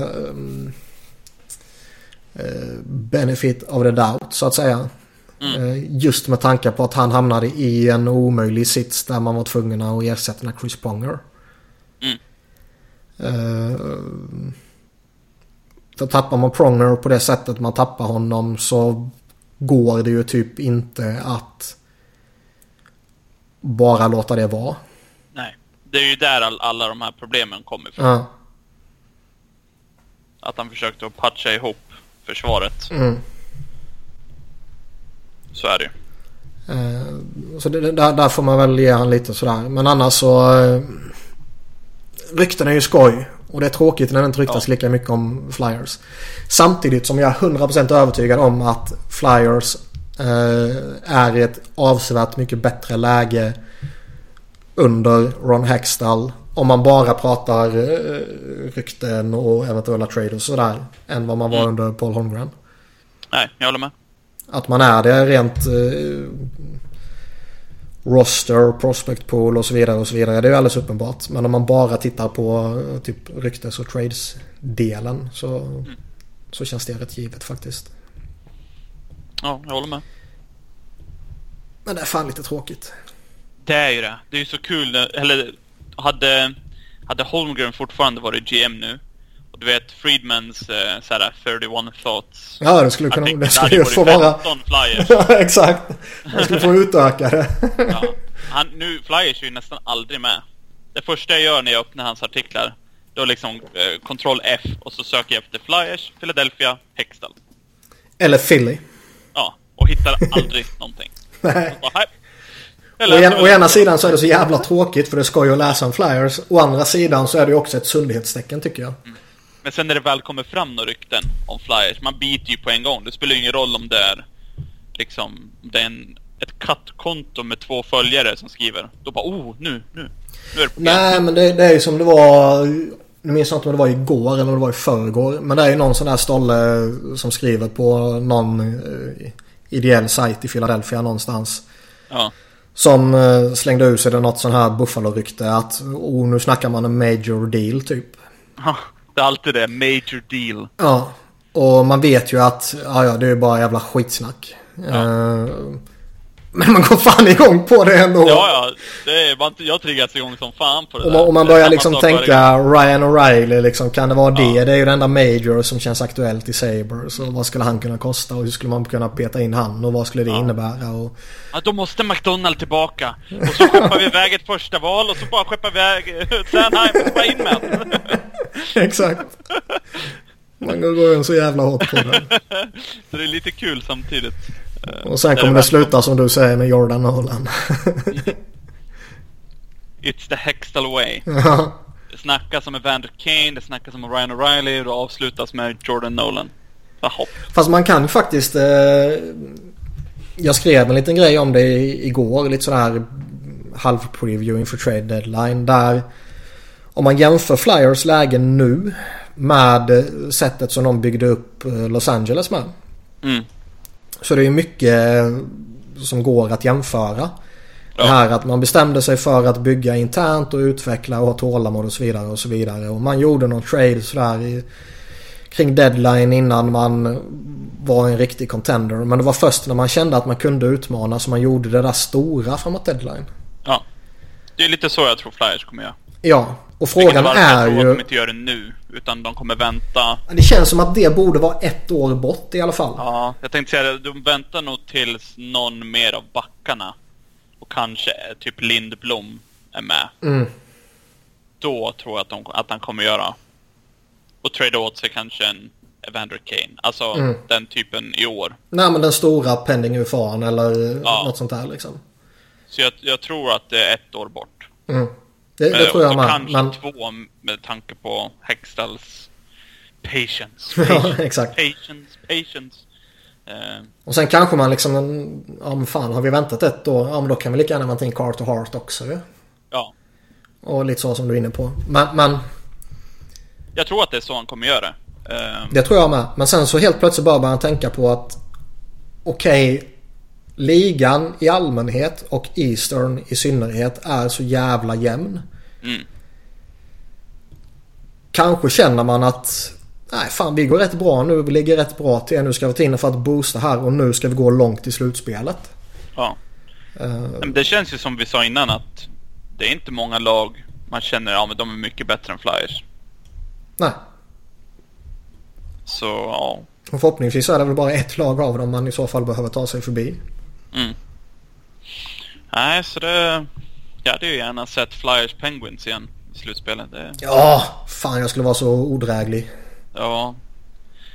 Ehm. jag, jag, jag är okej om de väntar. Men i vilket fall som helst vill jag att de ska trada bort dödkött, så att säga. Minst en av Lechter eller Louise. Och så typ... Fast nu när man ligger i slutspel då kommer de ju inte trada Filppula. Nej det känns inte så. Jag gick Nej, tillbaka har lite och kollade på tidigare. Ja, jag gick tillbaka och kollade lite på tidigare deadlines under Hextall också. Och eh, eh, man har ju aldrig legat så bra som man gör nu. Nej. Utan man har ju varit lite precis på gränsen eller varit precis utanför. Och då har han ju tradat bort. Då har han dumpat eh, Timonen och. Coburn och Strite mot Filppala och lite sådana här grejer. Mm. Eh, Så nu är det faktiskt första gången som man är med i racet och rimligtvis kommer han ju vara det om två veckor också. Mm. Även om man skulle torska fyra raka här nu vilket man inte kan utesluta eftersom det är flyers. Ehm, Jag hoppas ju, om man tänker lite längre än bara nu vid trade deadlinen, så hoppas jag att om de har kvar laget som det är och kanske lägger till en spelare. Vi säger att de tradar åt sig Kane. Mm. Eller att de tradar åt sig non-rental. Så hoppas jag ju att till sommaren så låter de Filppula gå. Och så köper de ut Lehtere. Och så... Eh, om de nu, vi säger att de tradar åt sig Kane. Att de resignar honom. För du friar ju upp bara rent pengamässigt så typ Kane för Filppula. ja, ja, det är ju typ en wash. Eh, det är ju en jätte... eh, improvement. Ja, och så kanske man köper ut uh, Lehter också. Ja. Så jag hoppas ju att oberoende på vem de tradar åt sig vid deadlinen eller om de inte tradar bort någon så att Filppula och Lehtere försvinner. Genom att låta gå och utköpning. Jag skulle inte ha något emot att förlänga med Filppala om det är till ett riktigt billigt kontrakt. Ja, Jag tycker då ska fortfarande... fan spela långt ner. Nej men låt han vara fjärde center liksom. Ja, fast det blir, det är ju Låtons plats. Ja men han kanske är tredje center i så fall. Ja. Eller Ja, låt det- om man- om vara... Om de Alltså- signar honom billigt, vi säger runt miljonen, Mm. vad det nu kan kosta. Och att de spelar han i botten 6. Då kan jag, ja. Ja men han kan ju lira Då winger också. Ja. Ja, då kan, jag, då kan jag köpa det. Men så länge de inte resignar honom och använder han i ungefär samma roll nu. I topp 9 skulle jag nog säga till och med. Mm. Då vill jag inte ha honom. Nej. Men Lehtere i vilket fall som helst måste ju köpas ut. Nu vet jag inte hur hans situation hade sett ut med... Den är överkomlig. Jag tittade på det för rätt länge sedan och... eh, jag ska kika. Jag har det framför mig så jag ska kika. Buyout current contract. 1,66 Ja. i två år om man köper Jag hade ju nästan betalat det själv. Ja faktiskt. Jag vet inte hur men vi hade nog hittat på något Nej 1,36 första året och 1,66 andra året. Det, Ja. det är ju liksom extremt överkomligt. Ja. Det känns ju som att det måste ju hända. Om inte han nu skulle få något sista, vad är det, 33 matcher kvar eller vad det är. Ja eller vinner Conn Smythe Trophy när Flyers Ja men, vinner ja, cupen, men alltså liksom. att han går och smäller in point per game sista 30. Ja. Eh, så det går ju inte. Det är ju exakt, det är ju RJ Umberger 2.0 liksom. Ja, ja verkligen. Och jag, jag, man, vi alla fattar ju dealen med att han var, de var tvungna att ta emot honom för att... Ja, ja, ingen kritik i det så. Alla, Ja, alla ja. fattar ju det. Så det...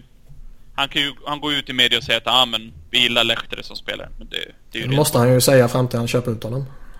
Det, det tror jag nog alla fattar. Ja. Så jag ser nästan det som en garanti. Om man inte går in som sagt och gör point per game. Point per game i fjärde kedjan. Det. ja, Bara- med Dale Louise. Ja. eh, så det känns ju rätt solklart att han kommer ryka. mm. Och då hade jag ju gärna uppgraderat och fått in en tredje center. Istället för Filppula. Mm. Men jag vet inte vem. Nej, det är ju ja, Ryan O'Reilly. Sju, sju och en halv miljon cap hit tredje center. Det är Ja, det är lugnt. Nej, men det känns väl som att eh, det, går ju, det är ju svårt att bara spontana upp en trade så här. Utan då får man ju börja titta mot någon UFA i så fall ju. Mm. Och, Men det, just det som jag sa det här med, med Sam Reinhardt. Att jag gillar hela den situationen. Att det är en bra ung spelare. mm, Men inte så att du går efter eh, eh, Brock Boser. mm, Eller alltså så som kommer kosta hur mycket som helst. Eller Nej. så. Utan du går efter en ung spelare som fortfarande kan ta nästa steg. Och sen i rätt åldersgrupp för Philadelphia. Så jag tycker att om man tradar åt sig någon så hade jag gärna sett något sånt. mm. Som att nu hade han gått in i en tredje kedja Men han hade, om man tar ett steg till då är det liksom en topp 6 spelare. Ja, Ja, jag ja. tilltalas av det. Helt klart. Ja. Jag bara menar om man ska plocka in en ny tredje center så är det svårt att bara hitta på någon trade så här upp och ner som känns logiskt nej, är det. Utan då får man börja blicka mot eh, sommarens UFAs ju. Och Mm. det finns inte jättemånga man taggar igång på liksom. Jag har inte kollat riktigt. Det är typ- Tyler Bozak liksom. Ja, nej. Eh. Mikael Backlund kommer ju förmodligen inte bli UFA och blir han det så kommer han bli alldeles för dyr ju. Mm. Uh, Mats Stagen, nej. Nej. Thomas Plekanec känns inte så jävla sexigt heller. John Tavares blir nog lite Han för är ju dyr. inte dålig, men nej. Joe Thornton, nej. Paul Stastny är ju inte aktuell. Nej. Liksom Sean Mathias, nej. Mark Letestu. Någon jag skulle kunna ta in som rental om jag vore en contender för att vara min fjärde center typ. Nej, men precis. Antoine Vermette. Han verkar respekterad och han är väl inte klappkass så liksom. Men nej. Derek Ryan. Nej. Nej. Ja, det är inte mycket där inte. Nej.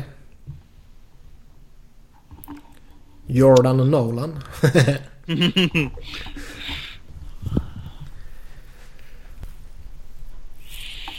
Nej, det är svårt. mm, helt klart. Då är det väl det om man promotar låten till tredje center. Och sen tar in en fjärde center eller om man har en Vecchioni till exempel. Eller Mikael Vorbjev. Ja, Några andra finns det väl inte från Phantoms. Centra då. Lindblom kan ju vara högaktuell såklart. Men... eh, jo, jo, men det är inte som center. Nej.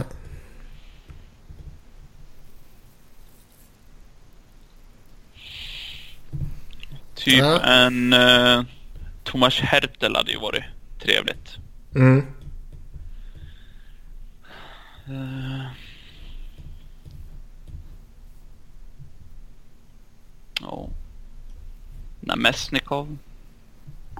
Nu kollar jag på RF, RFAs. Mm. Han lär inte få någon superkontrakt. Inte Herter heller. Nej, man tycker det. Man kan ju titta på lag med totalt genomblåsta GMs också. Så vi kan ju börja med Edmonton.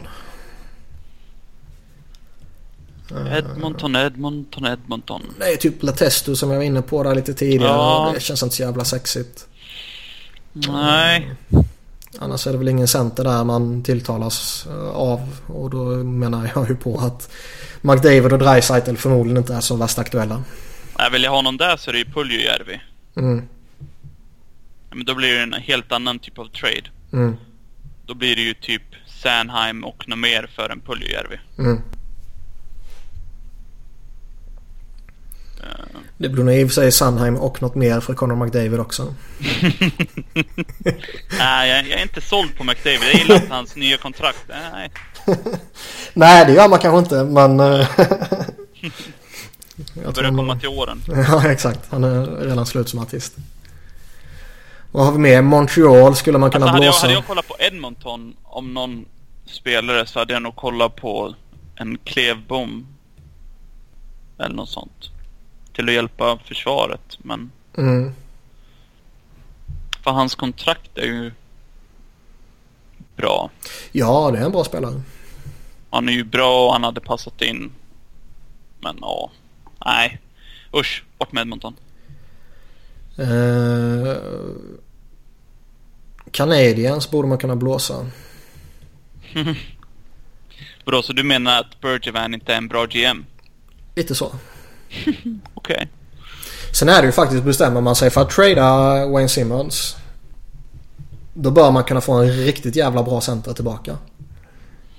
Ja, det lär du få.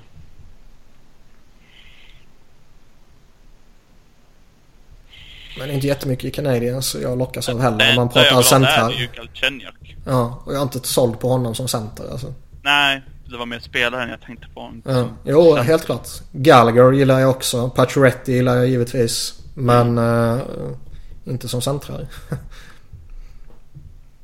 Jag vill faktiskt inte ha Gallagher. Men... Uh, uh, ja, det är väl Galchenyuk. Mm. Jag vet inte om jag hade velat haft han. Eller ja, det var inte så länge hans kontrakt. Och det känns väl inte riktigt som att Flyers kommer handla från Rangers heller. Även om de ska sälja av allt de har. Ja, nej. Annars finns det ju några centrar där man kan tänka sig.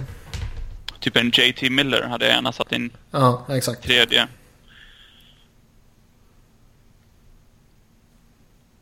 Men det, jag, jag har bara så svårt att se det ske. Ja, nej, det kommer inte. Klart det kan hända, men nej. Kings kanske? Nej, de har fan inget spännande. Nej. Det är bara skit. Eh, Typ en Toffoli hade jag väl inte...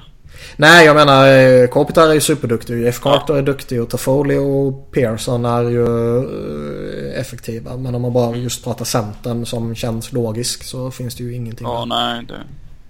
Sant, sant, sant. Jag Hur undrar... ligger... eh, ligger San Jose? De ligger ändå tvåa i Pacific. Mm. De har ju lyckats mm, kriga sig kvar där trots att frontarna är bötta. Ja, jag tänkte säga det för mig de gick skitdåligt, men det gjorde de ju inte. Det slog mig nu när vi slängde upp LA här bara. Hur, hur, eh, hur het är Hextall på Drew Dowdy tror du? Oj. Ja. Nu fick Han jag lite en han dåliga vibbar här. Som, eh, eh, verkligen ser honom som superbacken. Som folk försöker få honom att se ut att vara. Även fast han är bra men inte superbra. Ja. Så, Nej men just det liksom att, eh, när blir han ju UFA? nästa, nästa sommar. nästa sommar? Ja. Ja, kanske. Mm, nu blev jag lite rädd här helt plötsligt. Jag har inte tänkt på Ja, det tidigare det faktiskt. vill jag inte. Att han smäller upp en jävla superkontrakt på Drew Dowdy. Nej, Ja, det hade varit jobbigt. nu blev det deprimerad stämning här. Ja, shit. Tack. uh, jag sitter och fu- funderar på centrar. Men det gick ju alldeles för bra för San Jose för dem att trada Hertel. Mm. Det var ju synd, de får börja förlora. Eh, Vancouver har ju inte så jättemycket skoj heller. Sam Gagner.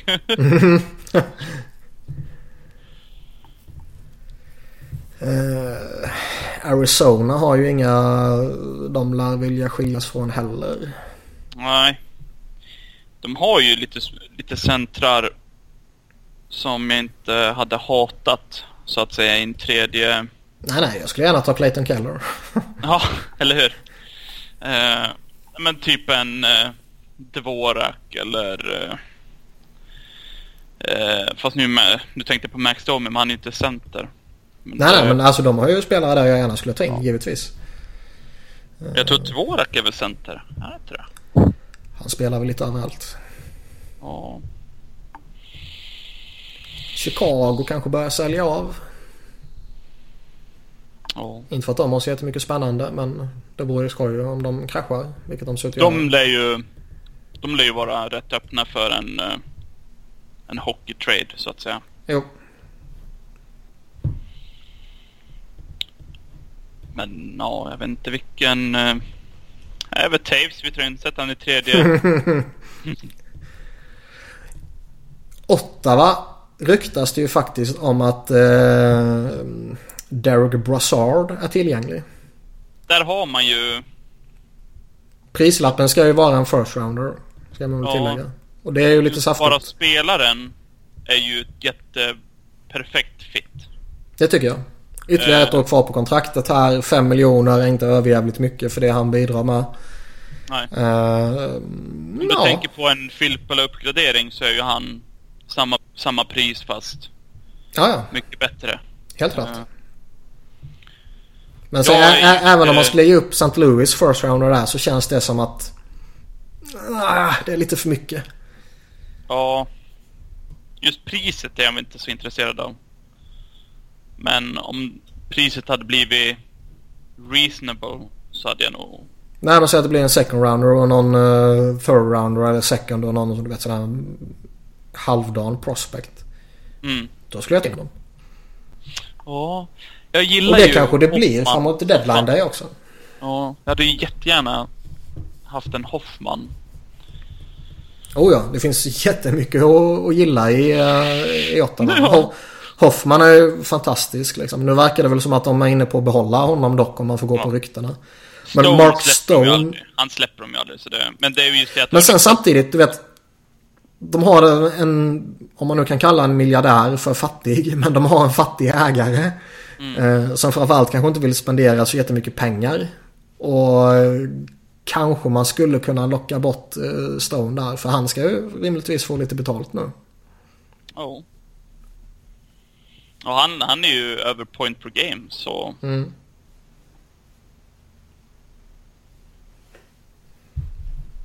Byta ut han mot Simmons. Det hade jag gjort.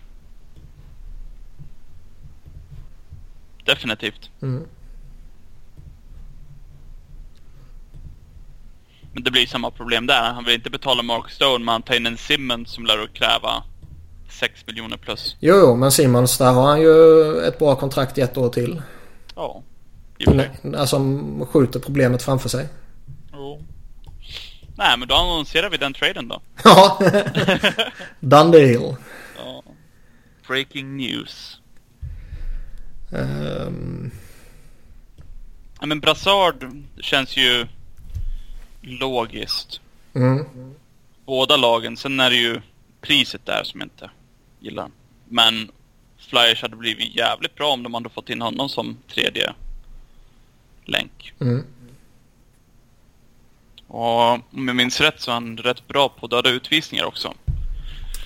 Jag kan nog garantera att han är bättre än Jori Lehtonen. Uh, jag är bättre än Jori Lehtonen. ja, det är faktiskt jävligt sant. kan inte åka skridskor. Eller ja, lite grann. Kan inte skjuta, kan inte passa. Nej, det kan inte han heller. Nej, men jag är bättre än Jori Lehtere. Ja, men. Tvivelslöst. ja. Nej, det är komiskt när man ser han försöker att äh, åka skridskor. Ja. Och då, har, då hade han en, en uh, skridskocoach. Som hjälpte han nu i sommar. Med hans skridskoåkning. Mm. Men fatta hur jävla bra Tarasenko var för att ge han alla de där poängen. Mm. Jag tror att Blues vill göra sig av med Tarasenko. Så uh, det är bara att trada till sen. Exakt. Uh, har vi något annat sån här uh, spekulationer uh, eller drömtrades eller något vi vill gå igenom? Nej, alltså drömtrade är ju som, som fortfarande känns realistisk är just det här eh, och få in en spelare i rätt ålder som kan växa med laget i en, i en lägre roll. Typ Mm. Reinhardt. Mm. Känns nästan som drömscenariot för mig. Eh, men jag kan inte komma på något annat alternativ som kan vara aktuellt. Sen är det väl klart man bara, ja, men vi tradar åt oss en, en Ekman. Larsson. Men vi betalar inte för mycket. Nej, exakt. Eh, nej, det är svårt.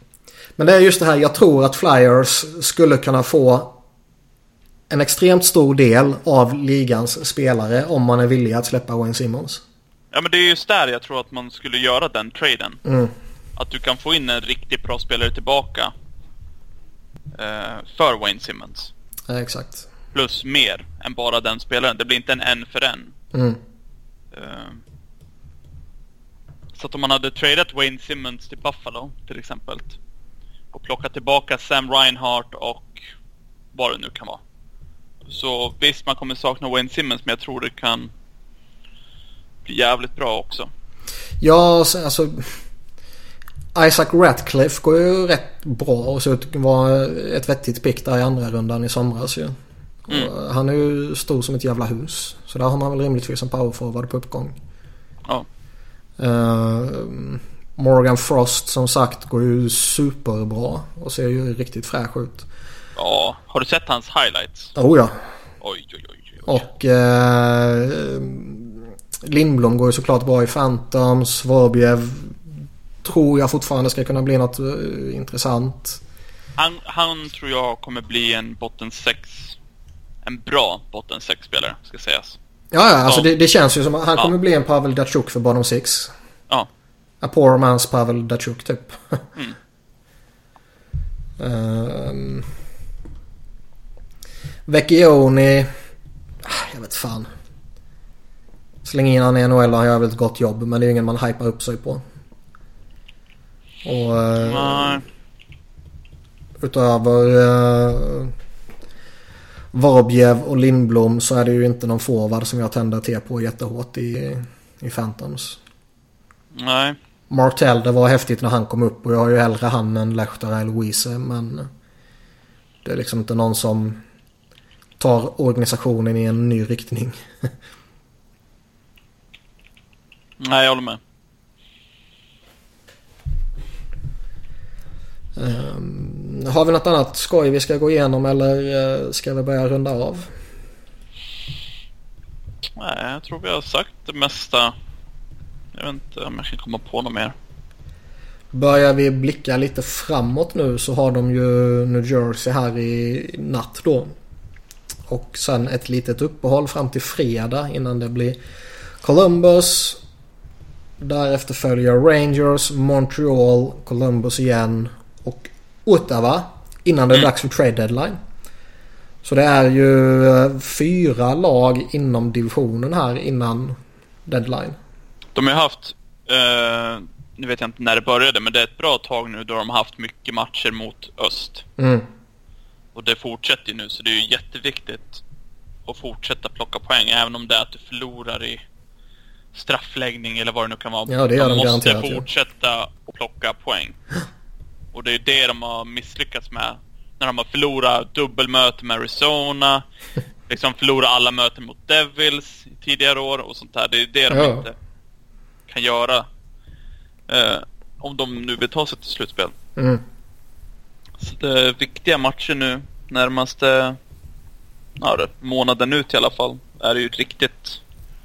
Det är många. Det är som du sa, de Habs två gånger, Rangers, Blue Jackets, Devils. Egentligen så blir ju alla måste-matcher. För att om de förlorar, speciellt mot Devils, så ja... Nej, det är riktigt viktigt att de fortsätter att spela bra. Mm. Ja, med de eh, visdomsorden så rundar vi väl av för den här gången och eh, hoppas att det inte dröjer lika många månader innan vi är tillbaka med ett nytt avsnitt. Vi hörs nästa år. Ja, men eh, tack för den här gången och Ja, på återhörande.